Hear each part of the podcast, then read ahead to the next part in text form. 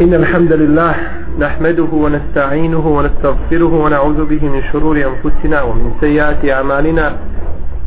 من يهده الله فهو المهتدي ومن يضل فأولئك هم الخاسرون. وأشهد أن لا إله إلا الله وحده لا شريك له. وأشهد أن محمدا عبده ونبيه ورسوله وصفيه من خلقه وخليله. أدى الأمانة وبلغ الرسالة ونصح الأمة وكشف الله تعالى به الغمة وجاهد في الله حق جهاده حتى أتاه اليقين. اللهم اجزه عنا خير ما جزيت نبيا عن أمته ورسولا عن دعوته ورسالته.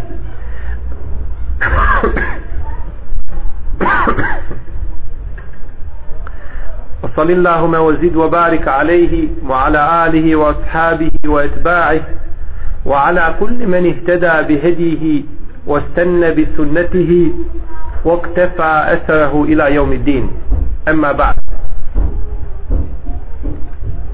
Uzvišeni Allah te barake wa ta'ala u svojoj častnoj knjizi je rekao وما خلقت الجن والإنس إلا ليعبدون وما خلقت الجن والإنس إلا ليعبدون a ja ljude i džine ni za što drugo nego da mi ibadet čine nego da mi ibadet čine.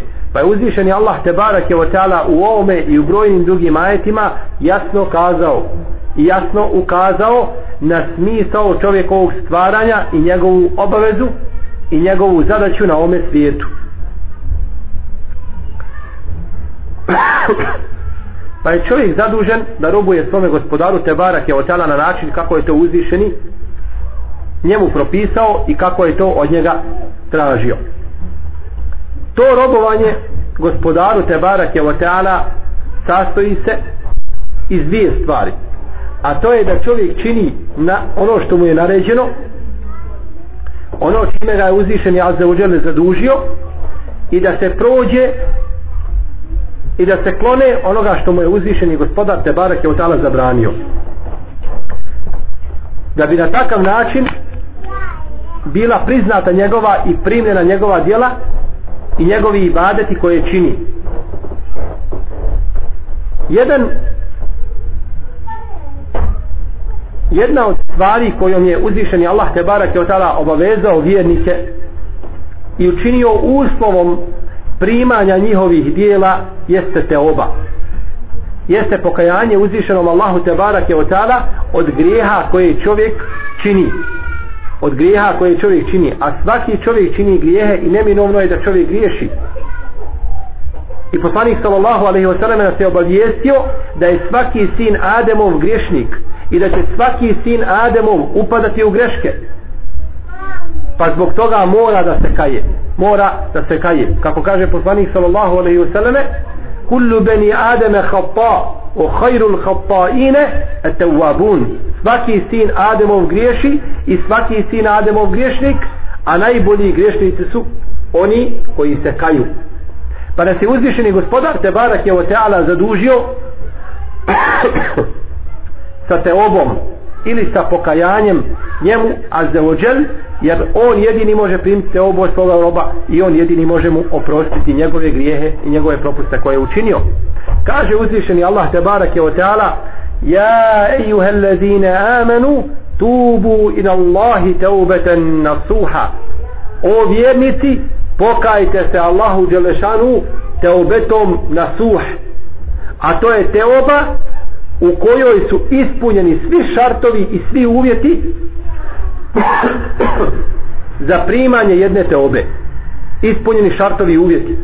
Jedan od tih šartova jeste da se musliman ili muslimanka nikad više neće vratiti na dotični grijeh i da osjeća u svojoj duši tegobu zbog počinjenog grijeha. Da se kaje zbog počinjenog grijeha i drugi uvjeti koji su uslovljeni za ispravnu teobu. Pa se mora znači pokajati tom iskrenom i ispravnom teobom ne da se čovjek pokaje jedan dan a nakon toga se vrati na grijeh koga je činio. A nakon toga uzvišeni Allah te barek tala će primiti njegovo pokajanje i kaže inna Allahe yuhibbu tawabin wa yuhibbu al mutatahirin Allah voli one koji se mnogo i često kaju i voli one koji se mnogo čiste. Voli znači čistunce pa tako spominje imam el Kurtubi u svome tefsiru Ibnu Kudame u svome dijelu Muhtesaru min hađul qasidin da se islamski umet složan odnosno ulema da je obaveza te obe na obavezi te obe da je te oba obavezna i da se ljudi moraju kajati svome gospodaru te barake o teala od počinjenih grijeha. Čak neki islamski učenjaci kažu da je obaveza čovjeku da se pokaje i od malih grijeha. Od malih grijeha koje počini da je obaveza da se pokaju. I to dokazuju ajetom u kome Allah te barek je otala kaže u kullil mu'minat jegdudne min absarihinne wa jahpazne furuđahun i reci vjernicama neka obore poglede svoje i neka čuvaju svoje stidna mjesta. I na kraju ajeta uzvišeni Allah te barek dala kaže otubu tubu ila Allahi džemijan ejuhel mu'minuna la'allekum tuflihun i pokajte se svi gospodaru svome o vjernici da biste uspjeli. Pa je uzvišeni Allah te barak dala spomenuo i naredio vjernicama da obaraju svoj pogled. A gledati u haram je mali grijeh. Gledati u haram je mali grijeh. Ali je nakon toga naredio da se te oba čini od toga. Pa čovjek treba da se pokaje od svih grijeha koje koje je počinio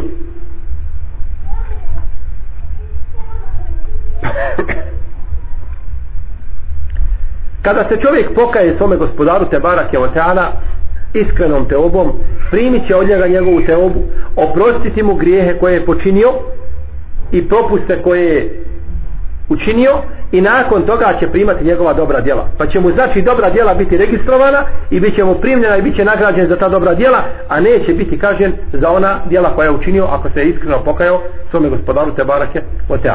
Jer čovjek ponekad musliman može uraditi djelo koje je na prvi pogled malo ali za njeku nagradu. A može isto tako, sa druge strane, učiniti dijelo koje je na prvi pogled veliko i ružno, ili, oprostite, da je malo, a da dobije veliku kaznu za njega. Bilo da je znači malo dobro dijelo, dobije veliku nagradu. A malo loše dijelo dobije veliku kaznu za počinjeno dijelo. Poslanik sallallahu alaihi wasallame, nas je obavijestio o onoj ženi koja je zatvorila mačku. Zatvorila je mačku, nije, nije hranila, niti je dozvolila da ona samu sebe hrani. Pa je mačka umrla tako. Pa je zbog toga Allah te barek zala bacio ju u vatru džehennemsku kaže poslanik sallallahu alejhi ve sellem u predaji koji bliži Ibn Huzeime kaže vidio sam u džehennemu onu ženu koja je zatvorila mačku kada god bi se okrenula i bježala ova bi je sa leđa stizala i grebala bi je po njenim leđima a kada bi god prilazila njoj ova bi grebala njeno lice i njeni prednji dio tijela grebala znači svojim kanđama zbog toga što je što je patila znači dok nije crkla. Pa je zatvoriti mačku dok ne umre grije no međutim pogledajte kako je Allah zbog tog grijeha kaznio ženu u vatri džahennemskoj. I kakvu je kazna do, ka, kaznu dobila zbog dijela koje je koje je učinila i obavijestio nas je poslanik sallallahu alaihi sallam kako bilježi imam Buharija da je jedna nemoralnica od Benu Israila našla psa Ađelekumullah koji je bio na izdisaju. Pa je uzela, skinula svoju cipelu i uzela vode iz bunara i napojila ga. Pa je Allah te barek dala uveo u džennet. Kako Allah azza ođele za malo loše djelo žestoko kazni a kako za malo dobro djelo uzvišeni azza nagradi velikom nagradi velikom nagradom. U drugom se predaje prenosi da je to bio čovjek od Benu Israila.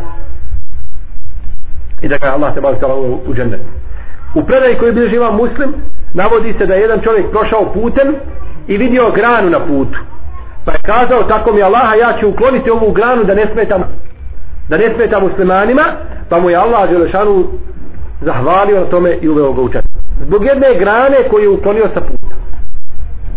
I kaže poslanik sallallahu alejhi ve selleme u predaji koju bilježi ima muslim vidio sam čovjeka kaže kako se naslađuje džennetskim blagodatima.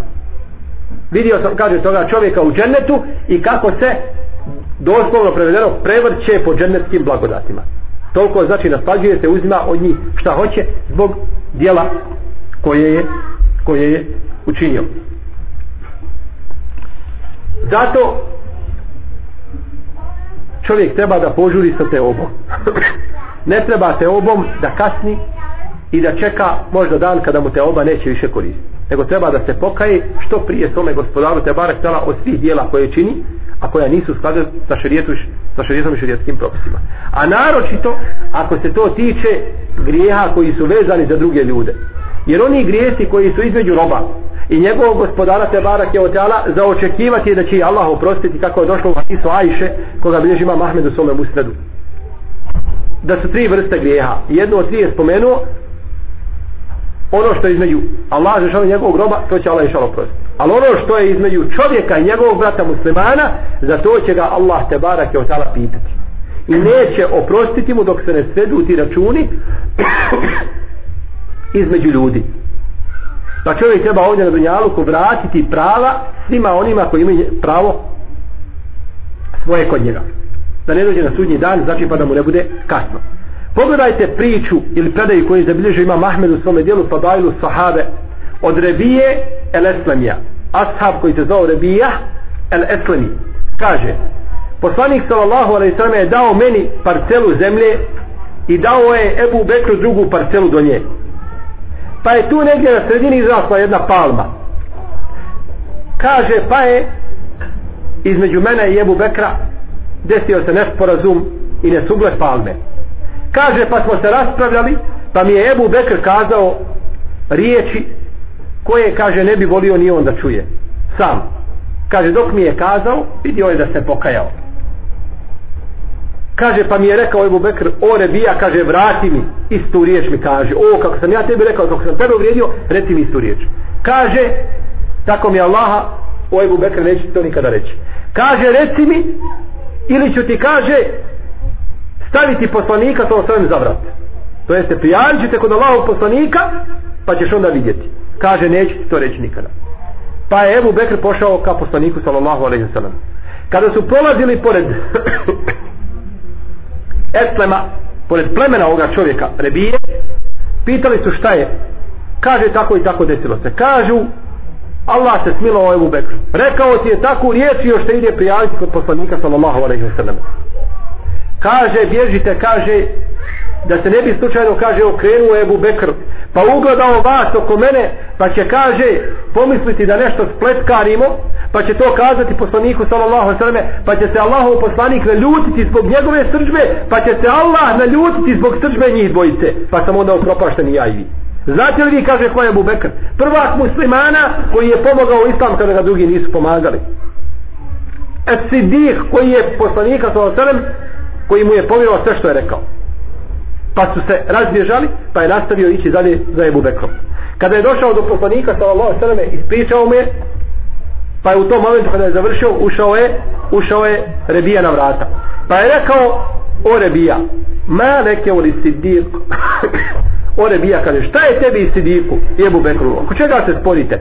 Pa je kazao ono što je rekao Ebu Bekr kaže naređivao mi je da mu kažem istu riječ a ja neću da mu kažem subhanallah, zbog čega su se oni sporili pred poslanikom sallallahu i zbog čega su tražili sud i hukvi propis.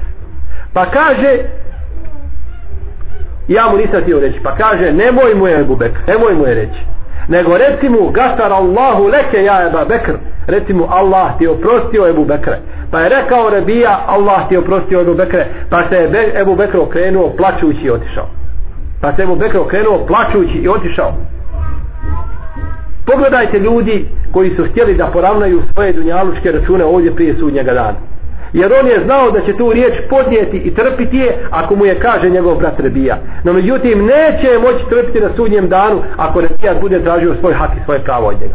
Pa je htio na dunjaluku da poravna račune, da se pokaja Allah od Jelšanu i da svoga brata traži halala i da izravna te račune prije nego što dođe dan kada neće pomagati nikome ni sinovi ni metak osim onome ko dođe pred Allaha čista srca. Bileži imam Ibn Sad u svome dijelu Tabakatul Kubra da je Osman Ibn Affan radijallahu anhu jedno veće ušao u kuću gdje su bili robovi. Nije bilo roblje. Pa se razlutio na jednog roba i udario ga šamarom tako da mu je iz uha krv potekla. Kaže se mu da mu je i pukao ovaj dio odvojio se ovaj dio uha od glave. Pa je okrenuo se i otišao. Nakon izvjesnog vremena vratio se Osmar ibn Affan tome robu i kazao me kaže udari me kaže onako kao što sam ja tebe udario. Pa je kazao ovaj dječak ili ovaj sluga kaže o vladaru pravovjerni a on vladar muslimana kaže nikada to neću vratiti. Kaže vrati mi pa ga je nagovarao i tjerao ga da mu vrati dok ga ovaj nije malo udario. Kaže ne tako već ovako pa je sam sebe udario. Ovako kaže jače. Pa ovaj opet udari isto. Kaže jače kaže neću. U redu kaže. Onda kaže ima kaže da me uzmeš za uho i kaže da me vučeš za uho kaže dok i moje te uho ne odvoji od glave kao što se tvoje odvojilo vuci pa je uče, uzeo ovaj malo da ga vuče kaže jače jače vuci jače. No međutim ovaj sluga nije htio znajući hejbet i vladara pa ga je pustio. Kaže ja ne mogu više ono vladar prve kaže idi ti i svi robovi koji ste u ovoj kući vi ste svi slobodni radi Allahovog lica. Pa i oslobodio si. Udario je roba. A poslanik sallallahu kaže ko udari svoga roba kefaret je da ga oslobodi. Da ga oslobodi da ga pusti na Allahovom putu. Pa je Osmar radijallahu pustio ga na Allahovom putu i još tražio da mu vrati. Jer znajući da će doći dan kada neće pomoći kada neće pomoći ništa drugo nego dobra djela i ono i te oba kojom se Allah te barake kojom se je čovjek pokoja svome gospodaru te barake o te ale kako kaže uzvišeni je hafune jeumen te te kalbebu fihi l kulubu wal ebsar bojali su se dana i dan čija će kob rasprostranjena biti i dan u, u kome će se pogledi srca u kome će pogledi srca uznemireni biti. Bojali su se bojali su se toga dana. Kaže poznati tabin Abdullah ibn Abi Mulejke kaže doživio sam mnogobrojne ashabe. I kaže njih 30 sam doživio. I svi su se kaže bojali za sebe ni faka svi su se bojali da su munatici svi su se bojali da su munatici pa su živjeli u tom strahu kajući se Allahu te barek tela u svojih dijela i od te obe i kajući se gospodaru znači od, jeli, od onoga što su činili. Gdje se tvori vrata i od strane tu djeca napoli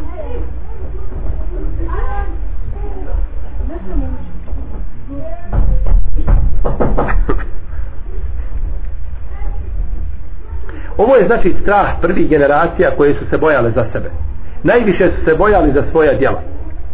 Iako sigurno njihov nijet i njihovo pristupanje činjenju doći dotičnih dijela ne može se porediti sa našim. Gdje smo mi od njih? Gdje je naš iman i gdje je naše vjerovanje i gdje je naš titk u odnosu na ove prve generacije?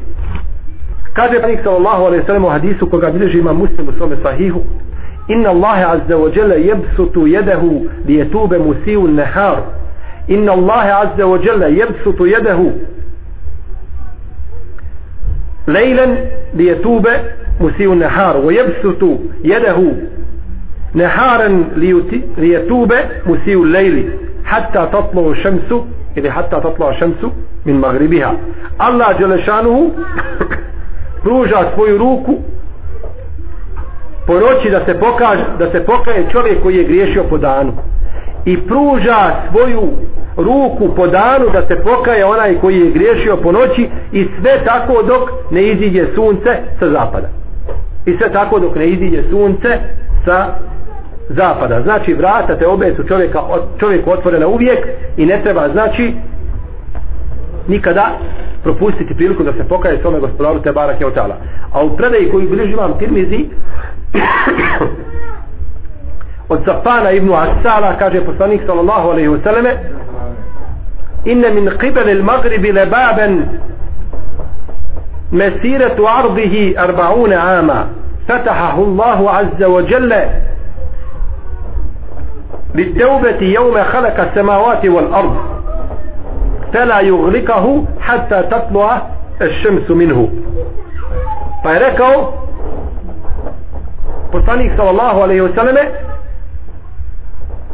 u istinu na zapadu imaju jedna vrata čija je širina 40 godina. 40 godina hoda širina je tih vrata. Uzvišeni Allah te barake od tala je stvorio ili otvorio i za te obu onoga dana kada je stvorio nebesa i zemlju. Onoga dana kada je stvorio nebesa i zemlju i neće ih zatvoriti sve dok sunce znači ne iziđe sa tih vrata odnosno dok ne iziđe sa zapada.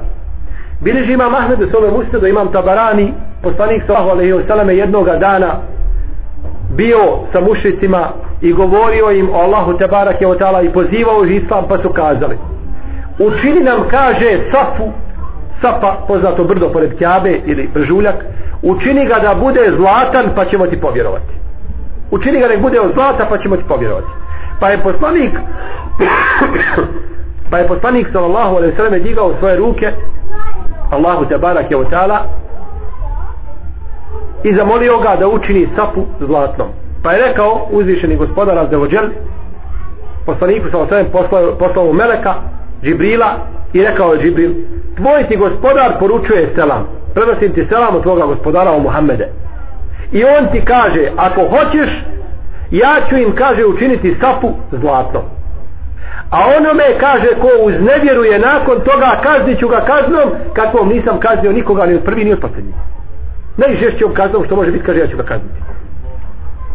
A kaže ako hoćeš kaže ja ću ti otvoriti vrata te obe ja ću ti kaže otvoriti vrata te obe i rahmeta pa da se kaju pa je rekao poslanik sallallahu alaihi wasallame bel babu te ubeti u rahmet. Ne nikako već kaže vrata te obe i rahmeta jer da im je učinio safu zlatnom oni ne bi povjerovali. Ko nije povjerovao u Kur'an neće povjerovati ni u, ni u zlatnu safu sigurno. Nemoguće. I nakon toga oni bi uznevjerovali pa bi završili u vatri džehennemskoj i sa šeitanom i iblisom i najtežu kaznu imali. A poslanik sa osvijem je njima bio milostiviji on je sami pa je tražio njima te obu pa se mnogi od njih pokajali ušli u islam nakon toga i bili muslimani i mnogi bili ashabi. Allahov poslanika sallallahu alaihi wa sallam. Pa je kazao ne nikako već kaže vrata te obe i oprosta i rahmeta i milosti pa je pa su tako vrata te obe otvorena ove umetu sve do sudnjega sve do sudnjega dana. Bileži imam el Bezar u svome mustadu sa dobrim lancem prenosilaca od Ebu Tawila el Meduda kaže došao sam poslaniku sa Justrame i mu kaže šta misliš o Allahov poslaniće o čovjeku koji radi sve grijehe. Ništa od grijeha nije ostavio. Šta god stigne od grijeha uradi. A poslanik sa je znao šta on cilja time i koga cilja. Kaže jesi li ti primio islam? Kaže što se mene tiče jesam. Kaže radi kaže dobra djela i ostavi loša djela pa će ti Allah Đelšanu kaže tvoja loša djela promijeniti dobra. Kaže on vidio je Ebu Tawil al Medud da zna Allahu poslaniku kome se radi. Pa kaže o Allahu poslaniče gaderati u okađerati moje kaže pronevjeravanje i moje griješenje i sve grije što sam počinio Allah će mi to oprostiti? Kaže da kaže Allah će ti to sve oprostiti. Kaže pa je čovjek tek birao tek birao dok nije kaže odmakao negdje daleko dok nije izgubio se iz vidika poslanika. Nije to mogao vjerovati svojim očima da će mu Allah te barek je otala oprostiti sva znači njegova djela i sve ono što je i sve ono što je on činio. I to su riječi Allaha te barek je otala illa men tabe wa amene wa amile amelen salihan fe ulaike yubedilu Allahu sejatihim hasanat. Osim onih koji povjeruju i budu a koji se pokaju, osim oni koji se pokaju te obučine i koji budu vjerovali i koji budu radili dobra djela, Allah će njima njihova loša djela u dobra pretvoriti. I zato je poslanik sallallahu alejhi ve selleme kazao da će na sudnjem danu biti skupina ljudi koja će poželjeti da imala što, vi, što više ružnih djela. Koja će poželjeti da imala što više ružnih djela. Pa su kazali ko su ti o Allahov poslaniće? Pa je rekao kaže to su oni čija će Allah te barake je teala loša djela u dobra pretvoriti. Pa će čovjek imati za svako loše djelo koje je učinio, imaće, imaće po jedno dobro djelo. I zato je jedna Allahova te barak teala milost prema nama jeste to što je dao mogućnost da se pokajemo. Jednostavno da čovjek digne ruke svome gospodaru te barek teala i da traži pokajanja. A uzvišeni Allah te barek teala daje čovjeku mogućnosti da se pokaje nakon učinjenog dijela šest sati da mu se ništa ne piše. Kaže poslanik sallallahu alejhi ve sellem u hadisu koga bilježi imam Tabarani koji je ispravan kaže kada čovjek počini grijeh Allah Đelšan naredi meleku da ne piše ništa šest sati. Šest sati melek ne piše ništa. Pa kaže ako se po, pokaje u tom vremenu u ti šest sati onda kaže melek baci svoje pero to jeste ne piše ništa. A kaže ako se ne pokaje u tih šest sati onda mu upiše samo jedno loše djelo. Pa mu daje priliku znači da se pokaje i nakon učinjenog djela da čovjek može doći sebi da se sabere, da se obračuna sam sa sobom i da se pokaje znači za svoje djelo za svoje djelo koje je učinio.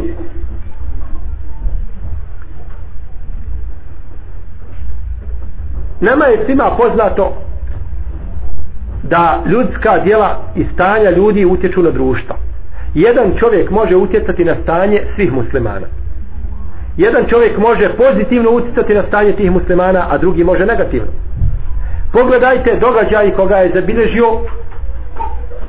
Ibn Kudame u svome dijelu Etewabun u kome kaže izišao je Musa a.s. sa skupinom ljudi 70.000 od Benu Israila da od Allaha te barake od tala traže kišu da traže kišu da je Allah Želšanu obdari blagodaću kiše pa su izišli na jednu veliku poljanu pa je Musa a.s. zamolio Allaha te barake od za kišu pa Allah Želšanu dao da još veća žega upeče pa je kazao Musa a.s. gospodaru moj ja kaže od tebe tražim da nam kišu spustiš a ti nam još veću žegu poslao pa je kazao uzvišeni te barake od Allah Musa a.s. o Musa kaže među vama ima čovjek 40 godina nepokoran 40 godina je u griješenju naredi mu kaže da iziđe pa ću vam ja dati tišu. pa je Musa a.s. rekao o ti čovječe koji si nepokoran Allahu 40 godina izađi kaže da nas Allah lišanu obaspe kišom jer si ti kaže nepokoran svome gospodaru i zbog tebe nam je uskraćena ta blagodat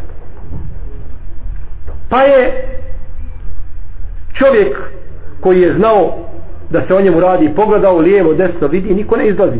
Vidi da je on taj da on treba izići. Pa je uzeo i uvukao svoju glavu u svoju odjeću.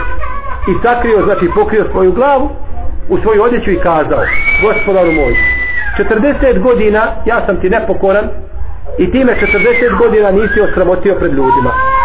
40 godina si trpio moj zulm i moju nepravdu.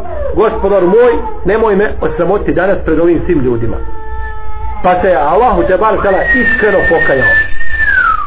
Pa je Allah Đelšanu nakon toga spustio kišu. Pa je rekao Musa alaih salam o gospodaru moj niko od nas nije izišao napolje. Nisam vidio čovjeka da se da je izišao iz ove skupine a ti si nam opet poslao kišu kaže ovo Musa ja sam vam kaže poslao kišu zbog istog onoga zbog koga sam vam prvi put zabranio kišu. Zbog njegove iskrene te obe koje je učinio. Pa je rekao Musa ali sam gospodar moj pokaži mi ga ko je taj čovjek da ga znam. Pa je rekao Allah te bare tala subhanallah. Kaže ja ga nisam kaže ja ga nisam osramotio dok mi je nepokoran bio a da ga kaže osramotim sada kad mi je pokoran. Pa nije otkrio Allah te bare tala ko je taj čovjek? Pa vidimo znači kako stanje jednog čovjeka može promijeniti stanje cijelog društva. Pa da čovjek ne misli ja sam nepokoran sebi i to je moja nepokornost to ne utiče druge muslimane. To je neispravno. Jer Hafiz ibn Hajar kaže u svom dijelu Fethul Bari kaže da čovjek koji ostavi namaz da šteti cijelom jednom društvu. Jer on ne drži svojim domama za muslimane ne kaže salamu alejna wa ala ibadillahi salihin neka je spas Allahov na nas i na sve dobre Allahove robove. Pa ti si uskratio pravo svakom muslimanu koji klanja jer ne doviš njemu a moraš mu dobiti ti si musliman moraš klanjati. Pa si štetio cijelom jednom društvu. Pa tako znači čovjek se ne treba ne smije se pravdati da kaže ja štetim sebi. I ovo je moja stvar i moja lična znači e, moj izbor da li ću ja biti musliman pokoran Allahu i nepokoran znači, nije tako. Već može cijelom jednom društvu da šteti kada se raširi jeli, zlo. Zato je poslanik to sada kada je upitano Allahu poslaniče zar ćemo biti uništeni? U opina stvari hun a među nama ima dobri. Pa je rekao poslanik sa osanem nam i da kesur al habes hoćete kaže kada se poveća ono zlo. Kada bude zlo veliko i kada bude puno oni nepokornika tada ćete biti uništeni svi tada će ti biti ovi što jesi. Pa tako, čovjek ne treba gubiti svoje vrijeme, nego treba iskreno da se pokaje svome gospodaru te barak je otala zbog loših dijela koja čini, a da ne kažemo i ne bi bilo daleko da kažemo da naša dobra dijela trebaju te obu. Da naša dobra dijela koja činimo da trebaju te obu. Allah najbolje zna. Da se pokaje svome gospodaru te barak otala i da se popravi i da bude stalno od onih koji se kaju. I da bude stalno od onih koji se kaju, jer mu niko ne može njegove grijeha oprostiti, osim uzvišeni, stvoritelj te barak tala, i da moli da oprosti njemu i njegovim roditeljima i svim muslimanima vjernicima. O temi se obe se može puno govoriti, jer su kuranski tekstovi o tome brojni, hadisi poslanika sa ozem, događaja sahaba, kako su se kajali, kako su primili islam i tako dalje su brojni, kroz istoriju islama, kako su ljudi ulazili u islam broj. No međutim, meni je cilj bio ovim samo da ukažem na teobu i vrijednost teobe i obavezu teobe i da čovjek ne treba biti znači nemaran prema teobi. Pa molimo uzvišenog Allaha te barak da nas učini od onih koji se mnogo kaju i koji se mnogo čiste i da nam primi naše teoba, prošti naše naša rđava djela i naše prestupe i grijehe, a da primi od nas dobra djela i da nas uvede u džanetska prostanstva sa iskrenim dobrim i šehidima, a divni se oni društvo. Allahu Teala anem, sallallahu ala nabina Muhammed, wa ala alihi wa sahabi ajmai. Allahu Teala Sestre imaju pitanja, neka postave to pismenim putem. Pitanja. Bismillah. Ako je žena bila udata prije, da li je sadašnjem mužu dozvoljeno da joj prebacuje tu grešku? Prvo to nije greška. To je jedno. Da se buni zbog toga i da ispitiva tadašnje bračne odnose. Nije greška što je žena bila prije udala. To nije greška. Žena se udala sa nijetom da se usreći, je tako? Nije se udala sa nijetom da se razvede ili slično tome. Pa bilo da je muž poginuo, da je muž razveo, nije bitno. To ona mora, raz, morala razvesti svoga muža, to nije greška. To nije greška, znači. A da li je dozvan njenom mužu da tu prebacuje tu grešku? On nije zna, on je to znao kad je ženio, tako? On je znao da je bila udar, nije ga prevadio. Znači, znao si i ti si imao pravo izbora. I nemaš joj pravo prebacivati ni jasno, ni, jeli, iz daleka nešto da se prebaciva, da se govori. A to da ispitiva tadašnje braće odnose, ako se odnosi na ispitivanje intimne prirode, to je haram. To ne dobro nikako. A i to da ispitiva nju kako je bilo sa njenim mužem, šta je on radio, kako je radio i tako dalje, to isto nije ispravno, jer to stvara ljubomoru u njegovom srcu i tako da najbolje da tu stvar zaboravi. Nema o tome šta priča. To je bilo kad je bila njena braša veza prije toga, to je završeno. Niti ona to treba spomnjeti, niti on treba ispitivati. I ona treba mu kazati, ako nešto ispitivaš, šta se neću kazati. Ti nemaš pravo. To nije tvoja stvar i ti to ne moraš znati. I ne treba znači sam čovjek sve do otvorati vrata, možda koja će mu stvarati neprilike. A nije dozvoljeno znači da ženu zbog toga vrijeđa i da je da je ponižava da je govori ružne stvari tako dalje to je zabranjeno i to je haram to je uznemiravanje žene bez bez ovaj haka i bez prava.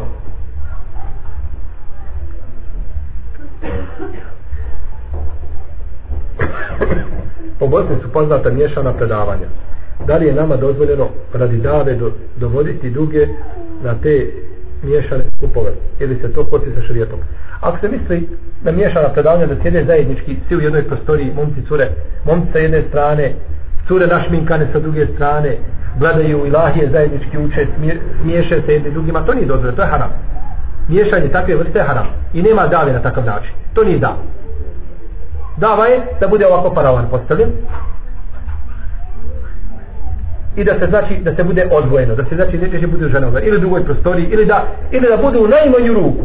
Kada bismo išli po najtanjem mišljenju da kažemo da muškarci budu okrenuti napred da predavač nekako bude da gleda u, u, u, u prednji dio taj a žene da budu tamo negdje iza. To bi najmanje kada bismo kazali da je ispravno. Allah ne bude zna da i to nije ispravno. Ali eto da kažemo to je najmanje što mora biti. Sod na namazu jer žene su jedan poslanika sa klanjale iza i tako dalje tim da jeste ni predavač jel ne gleda u hanume i tako dalje. No međutim, da bude ono halka zajednička muškaraca i žena, nema tu dale. To je spoči sa šerijatom i to je zabranjeno.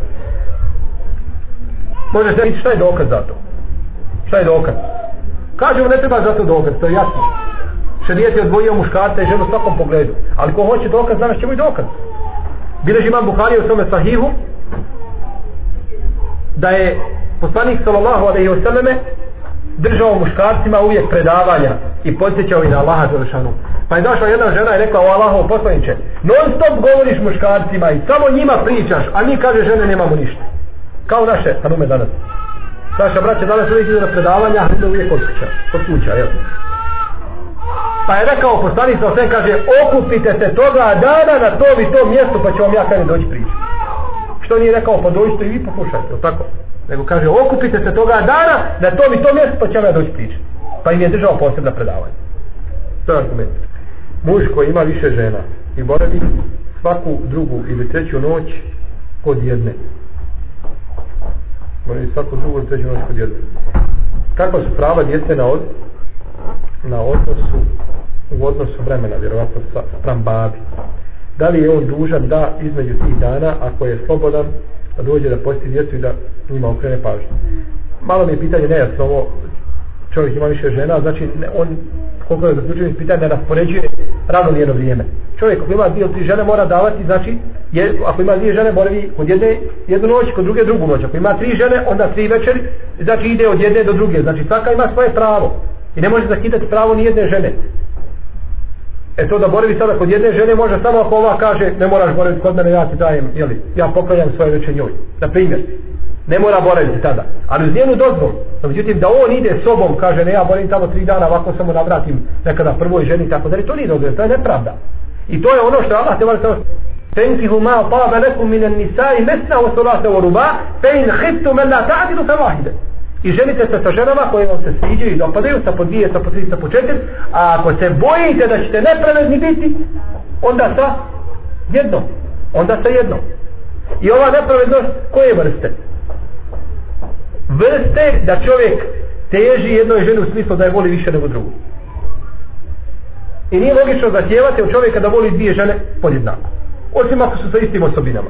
No međutim, jedna ga žena dočka lijepo, osmijehnuta, najljepšu atmosferu nađe u kući, a druga ga dočka namrgođena, ljuta, prepire se sa njim. Je li logično očekima da on voli jednu drugu isto? Ili imaju neke osobine kod te žene koje, zašto je poslanik sa osrem govorio, a iša mi se najdržavio od svih žena? A on je bio poslanik i najpravedniji i tako dalje. No međutim, smije li ta ljubav i ta njegova težnja ka njoj navesti njega da čini ovoj drugoj nepravdu? Nikako. Ni u pogledu materije, ni u pogledu vremena, ni u pogledu ničega bilo drugog. Mora raspodijeliti to na isti način. Tako da ova ne osjeti, ne osjeti, znači da je ona ugrožena. Da ne osjeti da je ona ugrožena. Pa ne znam ako sestra može pojasniti ovo pitanje, ako se odnosi znači da da on boravi kod jedne, kod druge, kod treće, on ne mora, ako je znači kod jedne je bio jedan dan, kod druge je drugi dan, ne mora odlaziti, vraćati se ići kod ove treće, isti dan ili kod prve da posti djecu, ne mora, to nije obaveza. No, međutim, da ode kod jedne i da boravi kod nje više nego kod drugi i da zapostavi a, svoju familiju s druge strane, onda bi bila obaveza da obrati pažnju znači na svoju djecu kako i šta rade jer poznato je da majka dosta puta nije u stanju da kontroliše znači djecu potpunosti pa treba malo i babo jer majka kontroliše sa emocijama i služi e, djeci. Znači onu majčinsku ljubav ali mora ponekad biti babo malo jeli da on kontroliše stvari ovaj sa druge strane. Dobro. Sestra koja ima nijet sestra koja ima nijet da stavi nikab ali trenutno nije u mogućnosti pošto radi da li ona smije nikab nositi na skupove i pa ili je to izigravanje sa Allahom vjerom. Nije izigravanje. Neka nosi van. Neka nosi van skupa neka nosi ovaj neka nosi tamo gdje može. Nije izigravanje. Ona je zaposlena boji se zbog svoga posla iako je osnova da žena ne radi da žena mora u svojoj kući. Osnova je da muž radi da on pribavlja obskrbu, a ne žena da mora ići. No međutim mi znamo da su ponekad žene, žene ovaj ili dobrovoljno ili mimo svoje volje idu raditi iz ovoga ili onoga razloga pa ako ide raditi već iako bi bilo poželjno da na poslu stavi a ako ne može onda neka stavi bar kada izlazi u trgovinu. Trgovinu jel kažemo pod navnim znacima žena treba izlazi u trgovinu kad ima potrebu ne treba žena da izlazi u trgovinu ako mož, muž može obaviti ono što se kupuje. Nema potrebe da izlazi ona. No, međutim znači neka sada kad izlazi u džamiju kad ide u zijarete nekuda i tako da neka stavi nikam ne smeta. Nije to izigravanje i neka moli Allah da je olakša da stavi nikam i na rado mjesto i da znači u potrebu stavi svoj nikam. Jer malo je žena koje su se pokrile danas do sutra. Danas otkrivena sutra pokrivena. Danas u prozirnom, sutra u džilbabu. To je malo je toga bilo. Nego je žena polako pa se privikavala, pođe u džamiju, pa stavi maramu. Pa dođe kući, pa sutra izdje u grad skine. Pa tako stepen po stepen i privikne se.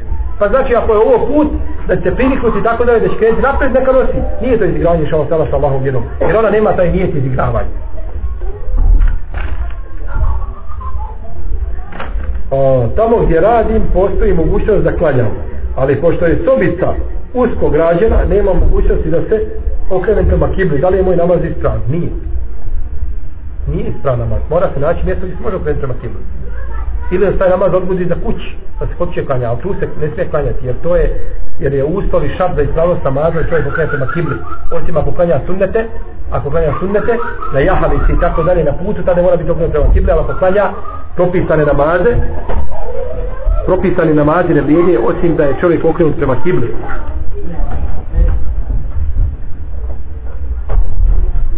Da li je dozvao klanjajući par namaz učiti na seždi dovu na bosanskom jeziku, kao na primjer doviti za sebe, za djecu i za muslimane. A oko ovoga pitanja postoji spor, Allah zajbolje da je sigurnije da se to ne čini na jeziku mimo arapskog. Neka se nauči par dova arapskog, uh, na, na, na arapskom jeziku, ko ne zna, zna dovu Allahume atina fi dunja hasene wa fil ahireti hasene wa qina azaben nar. To svako zna. Učimo je mnogi i na kraju e, nakon tešehu, nakon jeli, e, na zadnjem onome sjedenju i tako dalje i neko uči tu dovu. A ta dova glasi ono u prevodu znači gospodar moj daj mi na dunjalu tu dobro i daj mi na ahiretu dobro i sačuvaj me vatre džahanemski. I sve si obuhvatio. I to je to je dovo Allahom poslanik najviše dobio. A neko ko bi volio da dovi a ne zna na arabskom neka dovi u mislima Nekad ovi u mislima, Allah zna šta kriju ljudske grude. Nekad ovi u svojim mislima, inša Allah, da će biti priznato bolje moj nego da govori. Ako bismo kazali da može dobiti na seždi na bosanskom jeziku, onda bismo kazali isto tako da može učiti i subhanak je na bosanskom jeziku, a ne može. Tako da, jer i subhanak je dova. I subhanak je dova. A dova je na seždi još bolja od ove subhanake. Tako da, da bolje je da se to ne čini na bosanskom jeziku, niti na, niti na makedonskom, na bilo kom drugom jeziku, nego na arapskom i da se nauči par dova. Mi možemo naučiti da pričamo njemački i engleski, nekoliko jezika, pa možemo naučiti par dova na arapskom, to nije problem, smatram nikome od nas. Socijalna pomoć se ovdje mora vraćati odmah dok se opet nađe posao i bude u mogućnosti. Da li je preče to vratiti ili na hađ otići? Da li je to dug?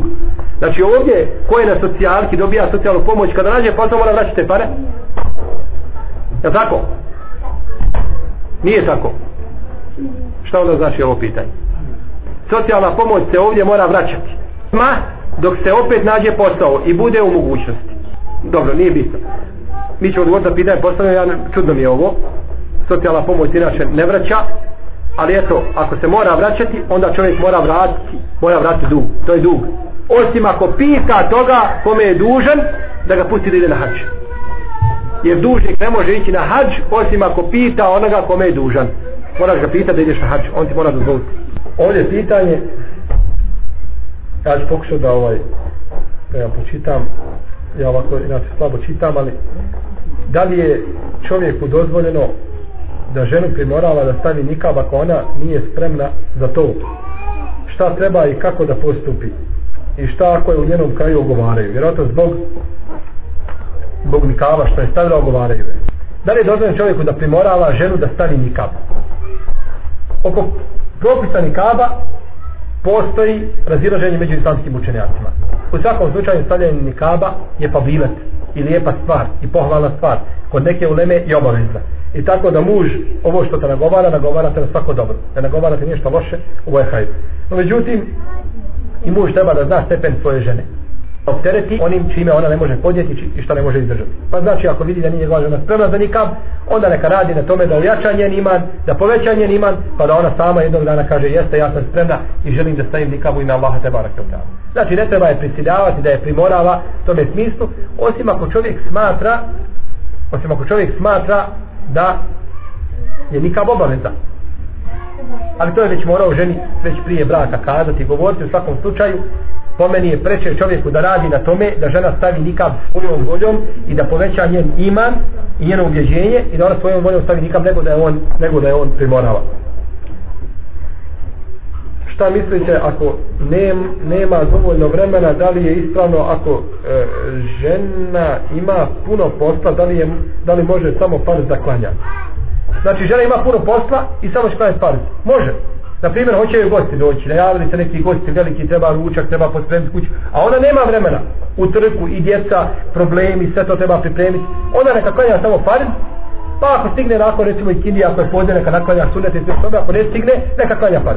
Ne smeta inša otala, ako joj je žurba i tegoba i tjesnac sa vremenom da ostavi sunete, ne smeta inša otala. Šta mislite ako mu čovjeku, žen, ako, ako mu čovjeku, jeli žena, e, ne dozvoljava za ženitbu sa drugom ženom, kakva prava ona ima i kako, kako da postupi?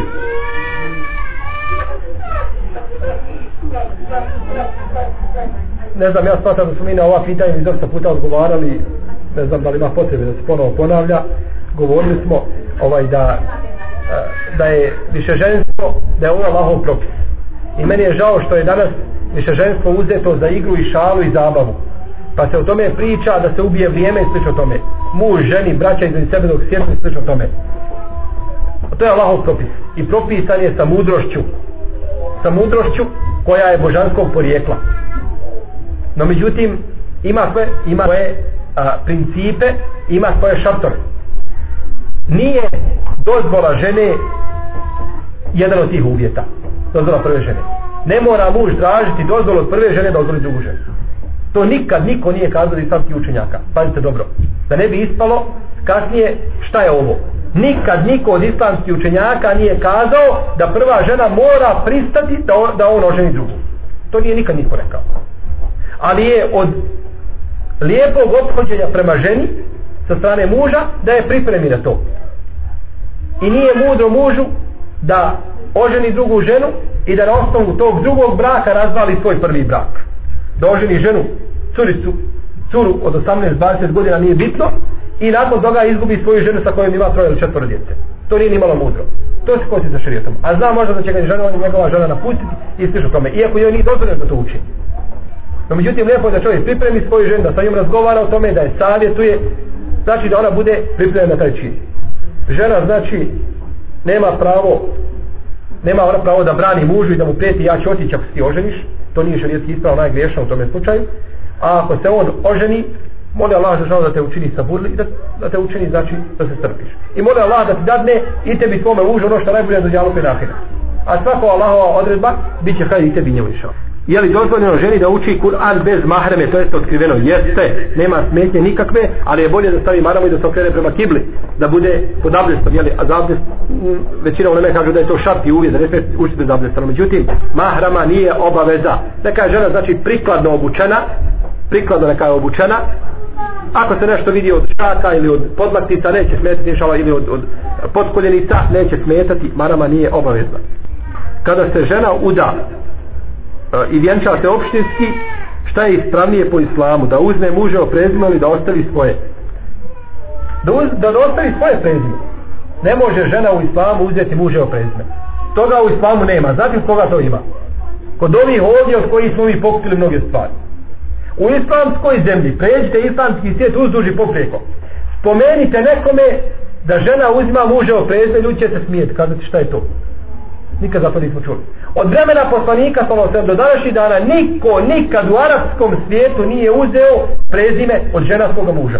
Niti se to može zakonski, u zakonu kod pa kaj, kako ćeš uzeti prezime njegovo? Pa ti kad imaš svoje, kako, kako možeš ući njegovo prezime? Nemoguće, to smo mi pokupili od nevjernika. Ništa drugo, čisto njihov običaj za koji smo se mi zalijepili i koga se mi držimo. Ne može žena uzimati muževo prezme, nije dozvoljeno nikako. Muževa, žena ima svoje porijeklo, ima svoje prezme. I ljudi će biti na sudnjem danu prozivani po imenima svojih očeva. A ovdje na imena misli prezimena. Porijeklo. I ne smije nikom miješati se ni u čiji porod. Da neko neko miješa porodi, to ne smije. To je zabranjeno. Ne može žena uzimati muževo prezme, to nije od muslimana i to nije od muslimanske prakse da li se vjenčanje opštini tretira isto kao šerijetsko i tako isto da li da li razlog opštinski znači isto što i talak? Da li bi čovjek mogao pustiti opštinski prvu ženu da bi recimo oženio drugu i napravio papire? Da li se vjenčanje opuštenim tretira kao šerijetsko tretira kao šerijetsko ako tu dođu belija, mlade ako dođu dva svjedoka i mladoženja i biva ponuda potražnja, ponuda, pristanak tretira se kao šerijetsko i to je stvar šerijetsko, iako je opušteno no međutim da se mlad i mla, mladoženja i mlada uzmu podrugu i odu u opštinu i sami se vjenčaju bez ičijeg znanja i tako dalje ili nađu nekoga na putu da im bude svjedok to nije dozvoljeno, to nije ispravno.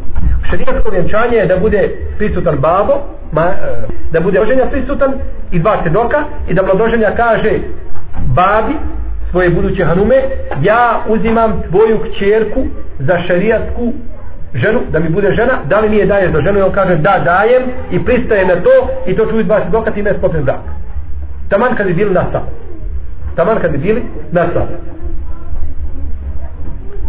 da li razvod u opštinskom sudu znači isto kao talak? Naravno.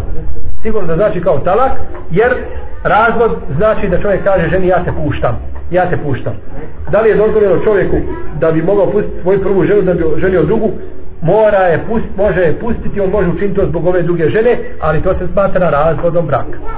Taman bio dogovor i nije zbog kažeš ti si puštena, gotovo je. Jer poslanik sallallahu alejhi kaže tri stvari su tri tri stvari kod njih je šala ozbiljno a ozbiljno je ozbiljno ženjenje palak razvod i pustanje roba kad kaže ženi ti ispuštena gotovo je ti si rekao riječ koje se pišu. I računa se kao puštanje. Tako da nije isto da se igra čovjek sa sa znači sa brakom prve žene. Zato neka sabura sa njom bez drugih smije se učiti Kur'an bez hijaba kada učiš na pamet pa da se podsjetiš kad ne znaš dalje to smo već rekli nije nema smeđe nikakve da se dira Kur'an znači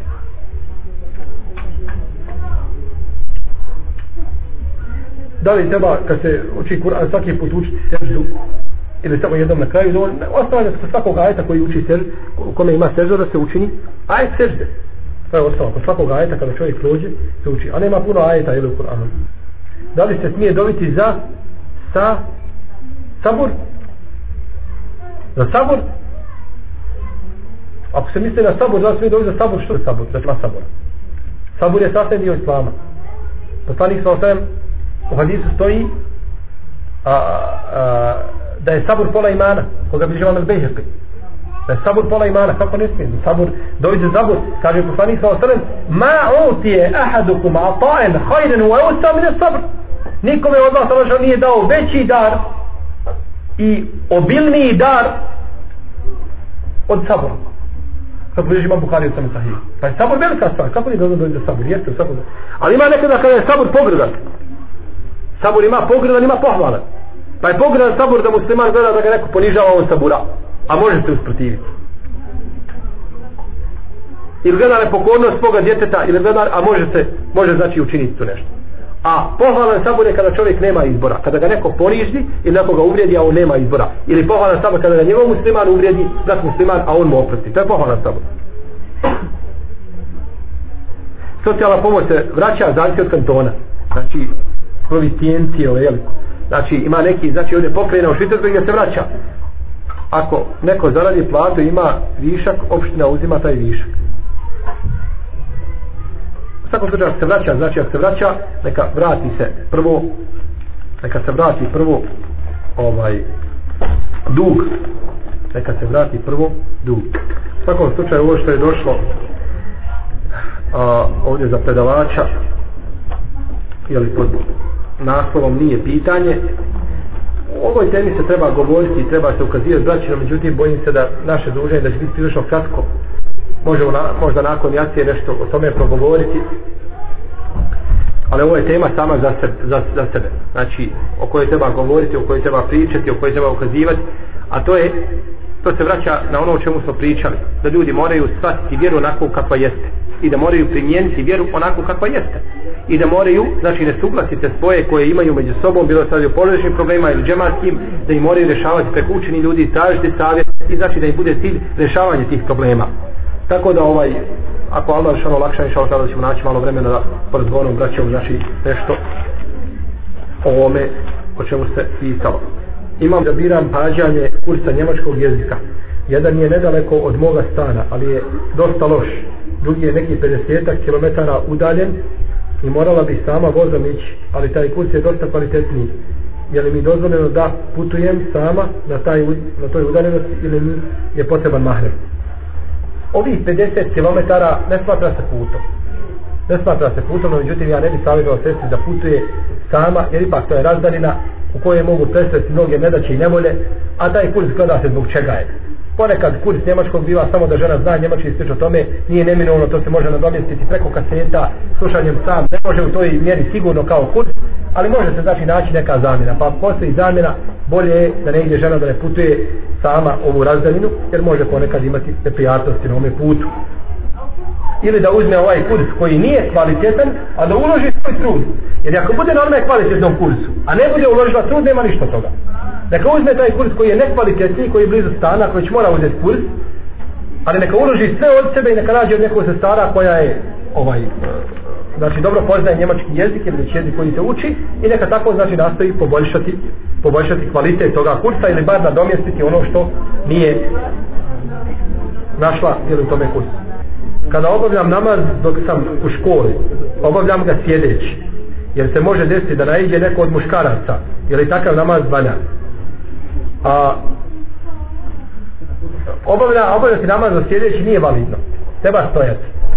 No, međutim, ovaj samo strah a, gleda se. A, mora se gledati gdje žena klanja namaz. Ako žena klanja, na primjer, namaz u učionici, pa se pomjeri do kraja zida, pa učini seždu, pa uđe, uđe muškarac, pa je vidi da je učinila seždu, a on ispred nje, neka čini seždu. Ne smeta to. No međutim, ako bi ona bila negdje prednjem dijelu čioklje, pa neko ulazi sa stražnijeg dijela, mogao vidjeti, znači, s druge strane mogao vidjeti ženu čini seždu, onda neka kanja sljedeći. Znači, neka gleda u kakvoj se situaciji nalazi gdje, pa neka čini. I ovaj, ako ponekad se to rijetko desi, neka klanja stojeći, jer to rijetko dešavanje neće utjecati na to. No, međutim, ako postoji velika mogućnost da često neko tuda prolazi, vidiva i ulazi u takve znači, prostorije, onda neka klanja sljedeći. A ako može odgoditi namaz do zadnjeg vremena ga, pa ga klanja potiče svoje bolje to nego da klanja znači tu sljedeći. Imam sina od 18 godina, ide sam na džumu, a ostale svakodnevne namaze neće da klanja. Kaže, mi smo ga od malehna učili i da mi nismo klanjali u njegovim godinama savjetuje savjetujemo ga da klanja kakav je kakav savjet možeš da nam daš brate znači lokal moramo znati da vrijeme ovo vrijeme od 18 godina da je to jedan prelazni ovaj prelomni period za mušku djecu Onda to je period puberteta ili prije puberteta, malo nekako je djeca okaste i tako dalje. Razne promjene se dešavaju i moramo znači svak to vrijeme razumjeti i nastaviti znači da se ti problemi rješavaju, da se ti problemi rješavaju. Kako rješavate probleme? Savjetovanjem. Savjetovanjem i upućivanjem djeta. Nastaviti tome djetetu naći lijepo društvo. Kada se pođe u džaviju da se to djete povede. Naći mu a, neku, ne, neku muslimansku, znači neku, neku družinu sa kojom će se on družiti i tako dalje. Znači da promijenimo njegovo društvo i da ga držimo nekako u kontroli. I nakon toga savjetovanje. Jer mi nemamo ništa drugo, ne postojimo kao roditelji, nego riječ da mu kažemo i da mu ukažemo. A koga će Allah želu put na pravi put, to je njegova odredba i to je njegova da daje kome hoće. Ovo što se djeca pozivaju na to da nismo mi klanjali u tim godinama, to je greška. Pa moramo ispas, ispaštati zbog vlastitih greške. I to je stvarnost koju mi ne možemo pomiti. Pa čovjek ponekad ispašta zbog greški u svome u svome znači ovaj paganstvo koje je počinio. Pa tako biva i sa ovom stvari. Znači, da savjetuje dijete da pokuša da mu nabavi knjiga, islamskih kaseta, da, da pokuša, znači uvijek nekako da učini atmosferu islamsku, ne bili kako to dijete pridobilo, ali isto s druge strane ne treba ga znači previše opteretiti pa da dobije odbojnost, pa da pobjegne, ko što se često dešava ovdje na zapadu, da dijete jednostavno do 18 godina bježi od kuće, jer ga tako uče. Tako je učen od vrtića, pa do fakulteta ga tako uče da dok ima 18 godina da pobjegne od svojih roditelja. Znači, da ga savjetuje, jer mi ne posjedujemo ništa drugo do savjeta. Što da rade sestre koje su iz neznanja pri vjenčanju uzele prezime od čovjeka? Ako postoji mogućnost da vrati prezime, neka vrati, to je bolje. Ako ne vrati, šalo Allah, će Allah oprostiti, koliko je Allah došano. To je učila iz neznanja, pa će Allah teba tela šalo oprostiti ono što je sam učinio iz neznanja. Dok treba da se napusti propušteni post zbog trudnoće, I da li se da li isto važi ako si postio šest dana ševala za propušteni post? A prvo što tiče napaštanje trudnice, oko toga u se spori. Jedni kažu treba da napusti, drugi kažu treba da nahrani za svaki dan siromaha. Ispravno je mišljenje da žena koja je bila trudna i nije postila treba za svaki dan nahraniti samo jednog siromaha. Svaki dan nahraniti siromaha je mora napaštati. To je mišljenje Ibn Abbas i Ibn Omara kako bilježi imamo dane kutni i to je i ne zna se niko da sahaba da je kazao drugačije i peče se te ashabe nego druga mišljenja. Da li se isto važi ako si propustio šest dana ševala za propušteni post? Molim? Pustio šest ševala. Da razumijem.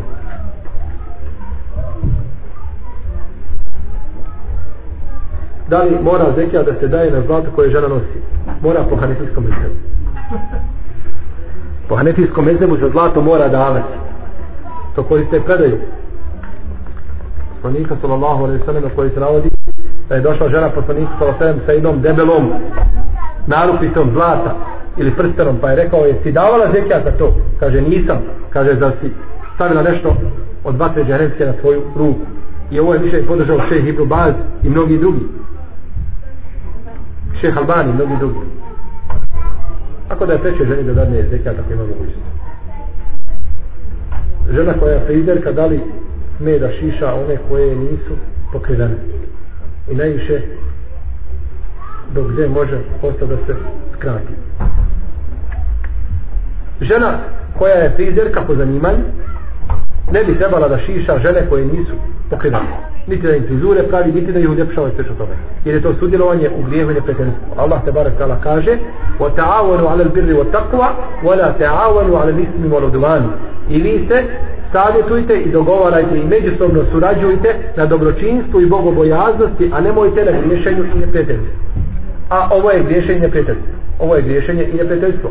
Da žena uljepša, prizirka muslimanka koja se drži Allahove vjere da uljepša ovaj jednu ženu koja će izići nakon toga na ulicu zavoditi muškarce i pitne spraviti, to nije dozvoljeno da radi. Dokle postane sve da se skrati, sve da se skrati do one granice dok ne bude oponašanje muškaraca. Allah najbolje zna da je to, da ne bude znači iza dramena. Najbolje je da ne bude kosta žene iza dramena, jer bojim se da tada može upati u ponašanje muškara. Jer je poslanik sa osrednji imao kosu do ramena. I nije prešeno da imao dužu kosu toga. Pa ono što sve što bi bilo do ramena ili gore iza ramena mogu smatrati ponašanje muškara. Pa, pa ima dužu kosu. I žena njena kosa je njen ukras i zato žena na hađu ne brije svoju kosu nego ostavlja svome mužu i sigurno da kosa duga biva ukras. Što mislite ako bi žena htjela da se malo odmori od porođaja a njen muž hoće puno djece? Da li se nešto da koristiti? ako žena hoće da koristi nešto od a, sredstava koje sprečavaju tu noću može koristiti. Sve što nešto sve što nešto ti a najbolji način jeste da znači da muž pazi kada sastavi sa svojom ženom znači da se pazi da ne izlučuje znači sjeme u majiću u materici svoje hanume. Znači to je najprirodniji način bolje čuvanja. A i drugi načini koji se koriste bilo da se radi o spirali slično tome ako ne štete, nema smetnja da to znači koristi jedan vremenski period da se malo odmori godinu, dvije, tri znači da napravi jedan pauzu da se žena oporavi možda od porođaja to sigurno uzima njenu snagu, njeno zdravlje pa da nakon toga ponovo znači nastave gdje su stavili Evo, sestra, braća vas opominju. Da šuti. Da li se čovjek, da li čovjek smije da kaže prvoj ženi